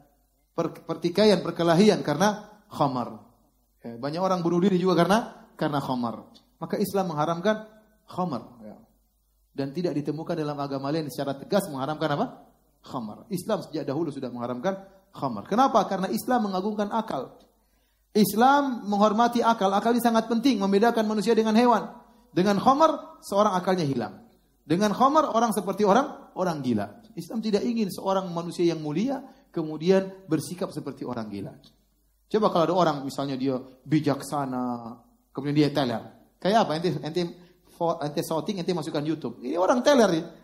Kayak orang gila. Tatkala dia sedang sedang mabuk, dia bongkar rahasianya lah, dia ceritakan keburukan istrinya lah, dia bongkar aib dirinya lah. Islam mengharamkan khamar dan tidak ada agama yang tegas mengharamkan khamar kecuali Islam. Bahkan dalam agama yang lain adalah khamar adalah acara kesyukuran. Khamar adalah acara apa? Syukuran dihadirkan dalam acara syukuran. Tidak ada agama yang lain tegas mengharamkan seperti Islam mengharamkan zina. Mengharamkan zina dengan sebab-sebabnya, dengan segala sebab sebab-sebabnya. Agama-agama yang lain mungkin ada pengharaman tapi sudah berubah, dirubah oleh pengikutnya sehingga menggampangkan masalah zina. Ada masalah mereka bebas zina sana, sana sini. Saya sampai ke suatu negara Eropa, subhanallah lihat bagaimana indahnya Islam. Banyak di antara mereka ya tidak mau nikah. Ya, maunya zina saja, tidak mau nikah. Islam coba mengajarkan tentang pernikahan, tentang indahnya pernikahan, tentang wanita itu sangat dimuliakan, tidak boleh disentuh oleh siapa saja. Menurut Islam wanita itu perkara yang sangat mulia. Tidak boleh dinikmati oleh setiap orang, tidak boleh dicoel oleh setiap orang. Tidak seperti bis yang bisa dinaiki oleh setiap orang. Tidak. Wanita sangat mulia. Mau nikah harus pakai wali. Kenapa? Karena wanita sering geeran. Ya dirayu sedikit sama laki-laki, iya iya iya, ternyata habis dicerai, dinikah di dicerai. Apalagi laki, apalagi banyak laki-laki yang eh, serigala ya. Sehingga banyak wanita dibohongin, dinikahi, habis itu diambil mahkotanya, kemudian dicampakkan. Maka Islam mengatur harus ada apa? Wali. Islam ini mengikat-ngikat. Enggak, Islam tidak mengikat. Islam mengatur melihat kemaslahatan. Bahkan wanita kalau bersafar hendaknya ada mahramnya. Karena dia butuh mungkin ada yang menemani, beli apa-apa, ngangkat-ngangkat apa-apa, ada mahramnya. Islam. Kalau sudah punya keluarga, Islam mengatur tentang bagaimana berbakti anak kepada orang tua. Antum cari agama mana yang menjelaskan sangat detail bagaimana seorang anak berbakti kepada orang tuanya. Cuma Islam. Antum cari dalam agama, agama mana pun, tidak ada yang detail, pahalanya besar, luar biasa, berkorban, berjihad untuk ber, ber, berbakti kepada kedua orang tua. Tidak ada kecuali dalam Islam. Akhirnya agama-agama lain, anak-anak kurang berbakti. Di sebagian negara, kalau dia sudah tua, dia merasa bahwasanya sudah tidak bermanfaat, tidak diperhatikan lagi anaknya, dia bunuh diri. Di sebagian negara-negara Eropa, waktu saya ke sana, tidak mau nikah. Kenapa? Takut anaknya durhaka. Takut anaknya durhaka. Apalagi mereka buat peraturan. Kalau anak dimarah sedikit, anaknya tersinggung, lapor pada pemerintah. Akhirnya anaknya diambil. Hak pengasuhannya diambil. Dan itu terjadi. Bapaknya dilaporkan polisi oleh anaknya. Terjadi di mereka. Sehingga mereka tidak mau punya anak. Akhirnya kumpul kebo. Kumpul kebo, lapor ke RT. Ini ada kebo saya baru. Dan itu mereka lakukan. Nanti kalau mereka ada bosan, ganti kebo yang baru. Begitu. Mereka tidak mau nikah karena mereka pikir nikah itu berat, ada peraturan, nanti harus belikan ini. Subhanallah, Islam indah sekali. Antum jalan di Eropa, antum lihat. Bedanya orang Islam sama orang kafir. Orang Islam ke mana-mana, bawa anak dua, tiga, nenek-nenek didorong oleh cucu-cucunya, nenek-nenek bawa cucu-cucunya, Masya Allah, mobil penuh. Itu pemandangan orang Islam. Antum lihat orang kafir, bawa anjing. Demi Allah, antum lihat bawa anjing. Bawa anjing. Ke mana cucunya, ke mana anaknya, saya juga bingung. Ke mana? Banyak di antara mereka tidak mau apa? Tidak mau nikah. Tatkala mereka sakit terkapar di rumah sakit, ini terjadi negara-negara kafir. Tidak ada yang jenguk. Coba kalau orang Islam yang sakit, ponakannya, bapaknya, kakaknya, adiknya, rumah sakit ramai. Dia terkapar, tidak ada yang jenguk. Betapa sedihnya kita di rumah sakit, nggak ada yang jenguk. Kita aja, saya waktu sakit, waktu dioperasi, yang nemani istri saya, ya saya juga pingin ada teman-teman, akhirnya ada suasana. Apalagi nggak ada yang datang. Sampai di antara anak mereka ada yang telepon, salah seorang kerabat saya, kerja sebagai perawat. Dia bilang, suster, kalau bapak saya mati, telepon ya. Kalau belum mati, jangan telepon. Subhanallah. Sampai satu hari ada teman yang salah, lagi sekarat, dia telepon anaknya, ini bapak kamu lagi sekarat. Saya kan sudah bilang, Nanti kalau mati baru telepon. Dan itu kenyataan. Tapi tanya kenapa? Kok kenapa kamu nggak ada yang jenguk? Aduh, saya dulu waktu masih muda tidak mau nikah. Ya takut karena takut kalau punya anak nanti cari nafkah buat anak, mengurangi rizki. Suzon sama Tuhan. Kata Allah, "Wala taqtulu auladakum khasyata imlak. Nahnu narzukuhum wa iyyakum." Jangan kalian bunuh anak kalian karena takut miskin. Kami yang beri rizki kepada anak kalian sebagaimana kami beri rizki kepada kalian. Orang Islam husnudzan. Ya. Dan itu kesengsaraan tersendiri tatkala seorang sudah tua tidak ada keluarganya. Kesengsaraan. Dia mau teman kemudian anaknya taruh di panti jompo. Ya dia senang pengen lihat cucunya, pengen lihat anaknya, anaknya nggak ada gimana muncul cucu. Oleh karenanya saya bilang Islam adalah agama yang sangat yang sangat indah. Tidak ada suatu pun yang Islam haramkan kecuali ada mudarat di balik hal tersebut sehingga dilarang oleh Islam. Islam tidak memotong syahwat manusia, mustahil. Haram nikah. Kalau mau jadi orang soleh tidak boleh nikah sebagaimana dalam agama yang lain. Tidak mungkin begitu. Islam Nabi mengatakan, "Wa ana atazawwaju nisa." Saya orang paling bertakwa dan saya menikahi para wanita. Tetapi ada pengaturan. Ada pengaturan. Banyak yang halal lebih banyak daripada yang haram. Yang haram sedikit, itu saja yang diharamkan. Yang halal masih masih banyak.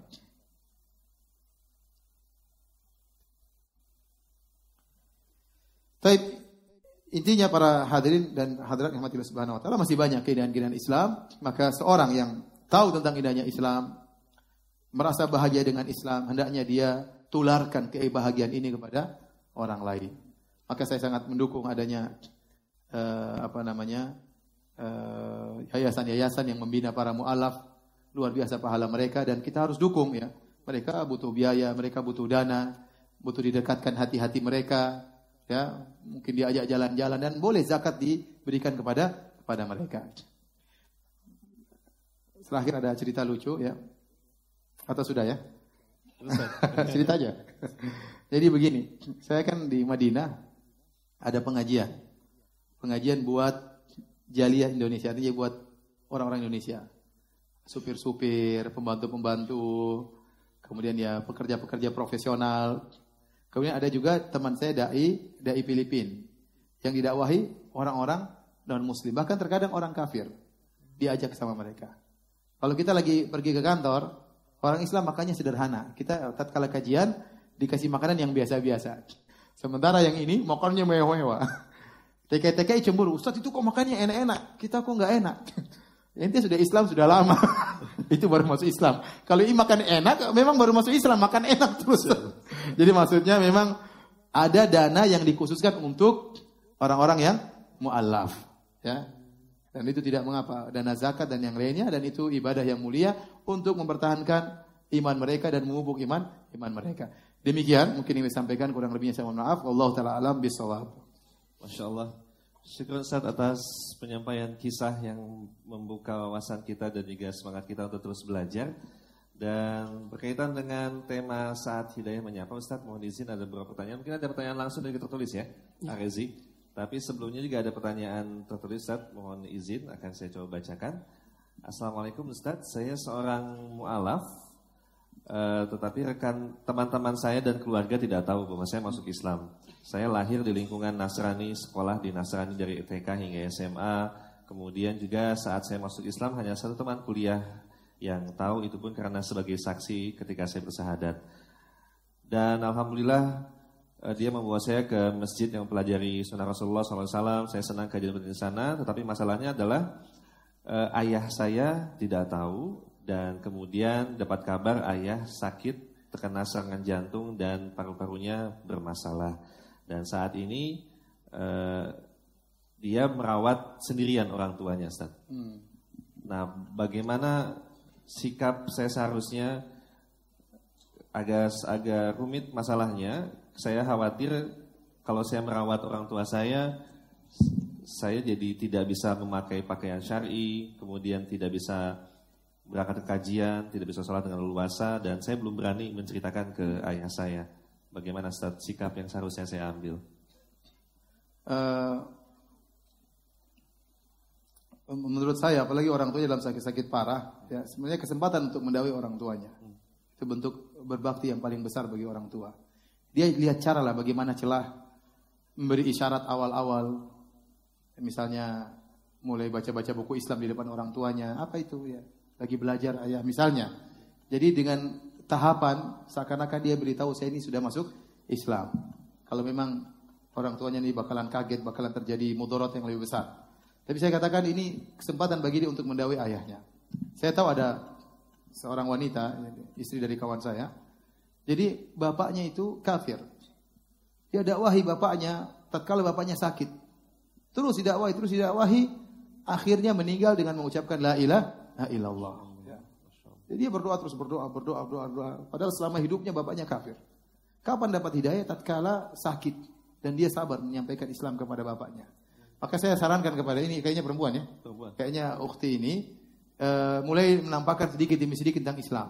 Misalnya baca buku Islam atau ketemu dengan teman Islam bagaimana lah caranya sehingga ada isyarat bahwasanya tertarik dengan Islam terus lama-lama dia tunjukkan Islamnya. Jadi tahapan bapaknya mungkin mulai curiga, mulai anu. Kalau ternyata bapaknya marah nggak ada masalah karena kapan lagi kita mau apa nasihati bapak? Kapan lagi kita mau menjadikan bapak selamat dari neraka jahanam kekal dalam neraka jahanam ya. Tapi sampaikan dengan baik dengan dalil ukti harus belajar ya berbicara tentang ketuhanan, bahwasanya Islam adalah agama yang logis, bicara tentang keislaman ya. Jadi sampaikan Islam secara bertahap. Allah alam bisawab. Baik, insyaallah. Syukran Ustaz. Rezi, silakan. Iya, jadi mengingat waktu juga dan banyaknya pertanyaan melalui kertas, jadi kami putuskan untuk membacakan beberapa pertanyaan yang memang sudah sesuai dengan tema. Ya. Nah, ada beberapa pertanyaan yang sudah kami uh, sortir gitu ya. Jadi ada pertanyaan Ustaz. Assalamualaikum Ustaz. Ana mau bertanya terkait surat Al-Kahfi ayat ke-17 yang artinya barang siapa yang diberi petunjuk oleh Allah, maka dialah yang mendapatkan petunjuk dan barang siapa yang disesatkan maka tidak ada seorang pun yang dapat menolongnya. Saya sempat berpikir, apakah dalam ayat ini Allah berpilih kasih kepada hambanya? Mohon penjelasannya Ustaz. Masalah ini, ini masalah di luar nalar kita. Ini pembahasan tentang masalah takdir. Ya. Kita tidak tahu kenapa Allah memilih ini. Karena memang Allah memilih. Contoh kenapa Allah memilih Muhammad sebagai seorang Rasul. Kata Allah, Allah Allahu a'lamu haitsu yaj'alu risalata. Allah lebih tahu di mana Allah letakkan risalahnya. Allah lebih tahu siapa yang berhak untuk dijadikan apa? Rasul. Nanti ada yang protes, Ustaz, kenapa Rasul orang Arab? Kenapa enggak orang Jawa Timur? Misalnya. Dia bilang Allah yang lebih tahu. Makanya Allah tutup pintu ini dengan berkata, La yus'alu amma yaf'alu wa hum yus'alun. Allah tidak ditanya tentang apa yang dia kerjakan. Karena ini akan berlanjut terus. Kenapa iblis Allah pilih jadi kafir? Kenapa iblis? Kalau iblis jadi orang muslim selesai urusan. tidak ada surga, tidak ada neraka, tidak ada cobaan, tidak ada pertarungan antara hak dan batil, tidak ada orang bertobat, tidak ada namanya Ghafurur Rahim, tidak ada. Semuanya tidak ada yang bersalah. Kemudian bagaimana Ghafurur Rahimnya? Ya, maka semua itu di luar nalar kita, ya. Ya benar, ada yang Allah kehendaki beriman dan ada Allah kehendaki dia tidak beriman. Contohnya iblis. Contohnya apa? Iblis, ya. Jadi kita tutup aja ini nalar kita nggak sampai, ya. Kemampuan kita tidak sampai. Ingat firman Allah, "Wa ma utitum minal ilmi illa qalila." Kalian tidak diberi ilmu kecuali hanya sedikit. Ya. Mudah-mudahan sebagian ulama seperti uh, Ibnu Daqiq al berkata, kalau Anda masuk surga, nanti mungkin rahasia-rahasia akan dibuka oleh Allah Subhanahu wa taala. Sekarang Anda tidak mampu. Ibarat anak kecil, ada dokter di sini hadir ya. saya mau sunat anak saya umur 4 tahun. Kata dokter, coba kalau bisa dijelaskan bahwasanya kepada anak saya yang masih kecil itu sunah sunat itu sunnah Nabi. Gimana itu mau jelaskan sama anak 4 tahun? saya bilang saya tidak bisa jelaskan. Saya cuma ambil boneka dinosaurus. Saya bilang nih sunat ini hadiahnya. Itu yang bisa saya jelaskan. Dijelaskan nak ini sunat ini sunnah Nabi. Nanti kalau dipotong bisa kesehatan. Anak kecil maunya main game aja. Jadi ada hal yang orang tidak bisa paham. Jadi sekarang kita ngeluruh nyuruh anak kita mukul kamu belajar dia ngapain belajar nih belajar belajar terus kita mau jelas kamu kamu nanti dia nggak paham dia nggak paham. Anak kecil tiga tahun bisa paham dijelaskan, nggak bisa paham. Oleh karenanya, kira-kira demikianlah. Ini anak analogika logika sedikit. Ada hal-hal yang Allah tahu yang kita tidak tahu dan kita tidak bisa tahu akan rahasia tersebut. Maka dikatakan qadarullah sirullahil maktum. Takdir Allah adalah rahasia yang tertutup, Allah simpan, tidak ada yang tahu, nabi tidak tahu, malaikat tidak tahu dan sebagaimana firman Allah la yusalu amma yaf'al. Allah tidak ditanya tentang apa yang dia lakukan. Kalau ditanya apakah Allah ada pilih? Ya Allah memilih. Tapi Allah memilih berdasarkan yang berhak untuk dipilih. Ya. Kembalikan kepada Allah Subhanahu wa taala. Oke, berarti uh, itu ada kode sebenarnya uh, Stat ya, bahwa selama memang rahasia takdir itu masih ditutupi, maka yang bisa kita lakukan juga terus menambah ilmu kita. Kita berusaha. Yang disuruh oleh Allah apa bro? Berusaha. Orang berusaha akan dikasih. Apakah ada orang cari hidayah tidak dikasih? Dikasih. Tanya semua orang yang cari hidayah, dapat hidayah. Mereka mencari atau tidak? Mereka mencari. Yang tidak mencari kadang dikasih, apalagi yang mencari. Berarti Allah nilai dengan usaha. Kita tidak tahu takdir kita kafir atau muslim. Tapi kita tahu kalau kita berusaha Allah akan kasih. Jadi kita tidak akan pernah tahu rahasia tersebut. Tapi Allah sudah punya sunnatullah berlaku. Aturan Allah kasih. Kamu baik masuk surga. Kamu berusaha dikasih hasilnya. Insya Allah. Insya Allah. Ya, berikutnya silakan. Jadi anak semua nih? Iya boleh. Oke, okay, uh, eh, berikutnya. Assalamualaikum warahmatullahi wabarakatuh. Semoga Allah senantiasa merahmati kita semua. Amin. Ya Ustadz, Anda pernah mendengar cerita bahwa ada seorang mu'alaf yang goyah pemikirannya, keyakinannya. Karena mengetahui ternyata ada perbedaan-perbedaan di dalam Islam. Mungkin bahasa uh, lainnya adalah, ini kok ternyata Islam banyak banyak versi seperti itu. Dan sampai akhirnya kebingungan juga bagaimana Islam atau Islam yang seperti apa yang kemudian harus dipelajari, yang harus dipilih di antara berbagai macam perbedaan-perbedaan yang ada, baik yang tampak maupun yang tidak tampak. Mohon penjelasan. Saya, saya rasa itu ke, ke, kepandaian seorang yang membawa dia. Tentunya tidak tidak tidak hikmah orang bermu Islam kemudian kita bilang di Islam itu ada qadariyah, ada jabariyah, ada ya ngapain? Ya, enggak usah. Kita jelaskan Islam Islam yang nanti dia akan imannya bertambah secara alami. Maka jangan sampai kita menimbulkan fitnah. Kata Nabi SAW, eh, lasta tuhadithu hadithan la yablugu ukulahum illa kana di ba'dihim fitnah. Tidaklah engkau menyampaikan satu hadis yang tidak sampai kepada nalar mereka kecuali akan menimbulkan fitnah. Kemudian juga Ali bin Abi Thalib dalam Sahih Bukhari pernah berkata, ya, eh, hadithu nasa bima ya'rifun. Aturiduna ayyuhkadzaballahu wa rasuluh. Sampaikanlah kepada manusia sesuai dengan nalar mereka. Apa kau ingin Allah dan Rasulnya didustakan? Kita tidak berbicara tentang mu'alaf, bahkan secara orang orang muslim secara umum. Saya nggak mungkin saya sini kemudian saya ceramah macam-macam di luar nalar antum, antum jadi bingung mungkin mungkin mungkin ragu dengan Islam. Belum saatnya antum mendengar hal tersebut.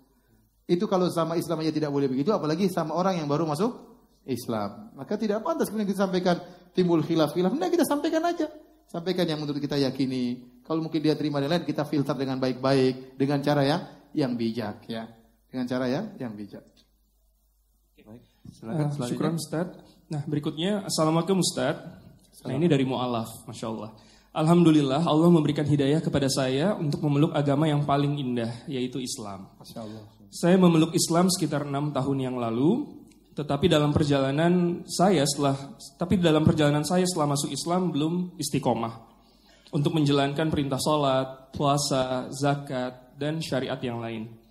Bagaimana Ustadz cara untuk menebus dosa di masa lalu atau kesalahan saya di masa lalu? Dan bagaimana Ustadz untuk berdakwah kepada orang tua saya yang masih non muslim. Jadi ada dua pertanyaan yeah. Ustadz. Bagaimana cara menebus dan berdakwah? Islam sangat mudah. Seorang yang pernah melakukan kesalahan, ya meninggalkan kewajiban-kewajiban, maka dia bertobat kepada Allah Subhanahu Wa Taala, yang tobatan nasuha. Dan dia mulai lembaran kehidupan barunya dengan lembaran-lembaran yang baru, yang diisi dengan keindahan. Oleh karenanya, kesalahan-kesalahan yang pernah dia lakukan, mungkin sholatnya dulu bolong-bolong, atau mungkin tidak sholat, atau mungkin puasanya ada yang bolong dan yang lainnya dia tinggalkan dengan sengaja, maka dia bertobat kepada Allah Subhanahu wa taala. Jika dia bertobat dengan tobat yang nasuha, tobat yang sungguhnya, maka mudah bagi Allah mengampuni dosa-dosa tersebut. Apa susahnya bagi Allah mengampuni dosa-dosa manusia? Ya, apa susahnya? Kalau kita susah maafkan orang, karena kita ada tendensi ya, dia begini, saya dia begini. Kalau Allah sangat mudah, tidak urusan Allah tidak butuh dengan manusia. Mau maksiatnya kayak apa saja kalau Allah mau ampuni sangat mudah. Yang penting kita benar-benar bertobat kepada Allah Subhanahu wa taala. Dan saya sarankan selalu untuk selalu kumpul dengan kawan-kawan di Masjid Al-Azhar atau masjid yang lainnya karena itu yang membuat kita bisa istiqomah. Di antaranya adalah bergaul dengan orang-orang yang soleh yang kalau kita lihat mereka kita ingat akan akhirat. Ya. Yang kalau kita lihat mereka kita ingat dengan akhirat. Ini membuat kita. Yang kedua mengenai uh, mendakwahi orang tua, jangan lupa yang pertama doa. Jangan lupa bangun malam, sholat malam, kemudian berdoa kepada Allah. Ya Allah beri hidayah kepada bapak dan ibuku misalnya. Kemudian mulai, mulai singgung-singgung. Kapan dia mulai marah, berhenti dulu. Nanti ada rezeki kasih lagi. Ya. Kalau ibu belikan cincin sampai didakwahi. Ya. Belikan hadiah, bapak kasih hadiah. Itu karena hadiah itu punya uh, tempat yang tak dalam hati seseorang. Ya. Apalagi hadiah dari anak kepada orang orang tua. Kalau kita punya harta misalnya, maka kita dakwahi mereka sedikit demi sedikit. Dan yang paling penting tunjukkan akhlak. Bahwasanya orang Islam itu akhlaknya sangat mulia. Islam mengajarkan berbakti kepada orang tua luar biasa yang tidak diajarkan oleh agama-agama yang yang lain. Tunjukkan hal itu kepada orang tua. Insya Allah mereka bisa dapat hidayah. Karena Islam agama yang logis. ya Sangat mudah dicerna. Dan agama yang lain batil. Sangat mudah untuk dibatilkan juga. Sangat mudah karena sangat tidak logis. Allah alam bisawab.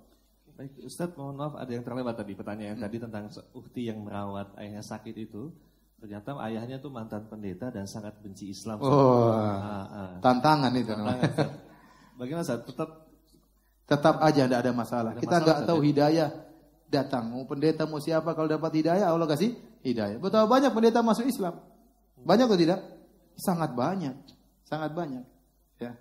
Bahkan ada seorang pendeta masuk Islam gara-gara doa. Ada kawan saya juga mualaf, dia cerita keluarga dia keluarga e, pembaptis lah istilah dia. Kemudian tahu-tahu dia masuk Islam. Heboh lah orang-orang. Ini keluarga pembaptis ternyata ada anaknya masuk Islam.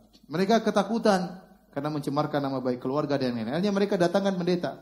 Pendeta muda yang terkenal tatkala itu untuk mengembalikan kawan saya ini kepada agama Nasrani. Datangkanlah pendeta tersebut. Waktu ketemu teman saya, teman saya cerita langsung. Dia bilang, sudah Pak Pendeta. Saya nggak mau dengar dari Pak Pendeta. Kita saling mendoakan saja Pak Pendeta. Pendeta berdoa sama Tuhan, saya berdoa sama Tuhan agar kita dapat hidayah. Kalau Bapak Pendeta yang benar, saya ikut Pendeta. Kalau Pendeta saya yang benar, Pendeta ikut saya. Saya nggak mau dengar. Kita saling mendoakan. Subhanallah dua minggu kemudian kalau tidak salah, kakak-kakaknya datang. Eh, fulan, fulan, ketuk pintunya. Ada apa? Ada apa? Ada apa? Itu pendeta masuk Islam. jadi, jadi hidayah kalau kita minta kepada Allah Allah berikan kepada si fulan bisa Allah kasih. Bukankah Umar bin Khattab masuk Islam? Siapa yang mintakan hidayah? Nabi minta kepada Allah untuk berhidayah kepada siapa? Umar. Mau bapak kita pendeta kalau kita minta tulus kepada Allah sambil diskusi sedikit, usaha sedikit, Allah yang sempurnakan. Jadi tidak apa-apa sampaikan aja. Ya, tapi ingat melihat masalah dan mudarat. Namun kemudian tadi tidak langsung frontal pelan-pelan. Pelan-pelan. Ya. Kamu kok baca buku Islam, kayaknya menarik Pak. Diskusi. Ini gimana Pak cara, kok mereka bilang begini? Diskusi, bikin syubhat sama dia. bikin dia ragu dengan agamanya, apalagi lagi sakit. Dan justru ada kesempatan saat ayahnya sedang Iya, sakit. sakit iya, ya? malah kita diskusi, diskusi, baca buku Islam, saya kok dapat syubhat seperti diskusi, diskusi. Mungkin tidak bilang saya Islam, tapi diskusi. Tapi waktu itu benar-benar harus belajar. Bagaimana mematahkan apa? Syubhat-syubhat mereka. Ya. Syubhatnya harus lebih kuat daripada syubhat mereka. Istilahnya ini. Tentu Islam bukan syubhat ya. Enggak.